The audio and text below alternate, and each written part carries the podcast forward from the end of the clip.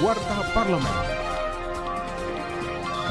Saya Muhaikal Yunus, inilah Warta Parlemen.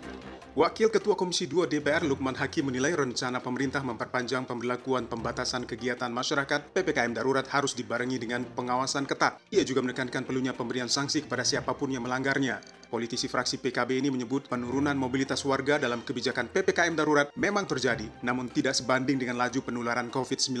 Sorotan lain, banyak daerah yang tidak memberikan penjelasan mengenai bantuan sosial kepada masyarakat terdampak pandemi selama PPKM darurat berlangsung. Parlemen. Dalam pidato penutupan masa persidangan kelima tahun sidang 2020-2021, Ketua DPR Puan Maharani mengajak seluruh komponen bangsa untuk mengedepankan semangat gotong royong dalam menangani lonjakan kasus COVID-19. Di tengah lonjakan kasus COVID-19, DPR mengajak semua komponen dan anak bangsa untuk bergotong royong dalam menangani pandemi COVID-19, mengambil bagian serta tanggung jawab bersama untuk menjalankan protokol kesehatan untuk kepentingan bersama.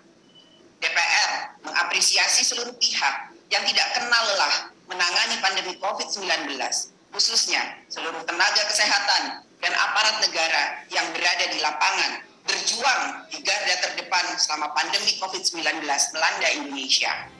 Informasi rapat wakil rakyat yang lebih lengkap pantau di media sosial DPR RI.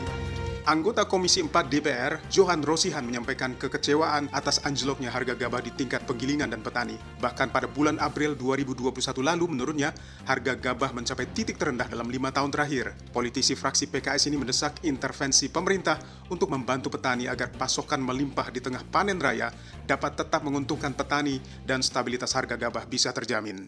Televisi Radio Parlemen. Demikian Warta Parlemen, Produksi TV dan Radio Parlemen, Biro Pemberitaan Parlemen, Sekjen DPR RI.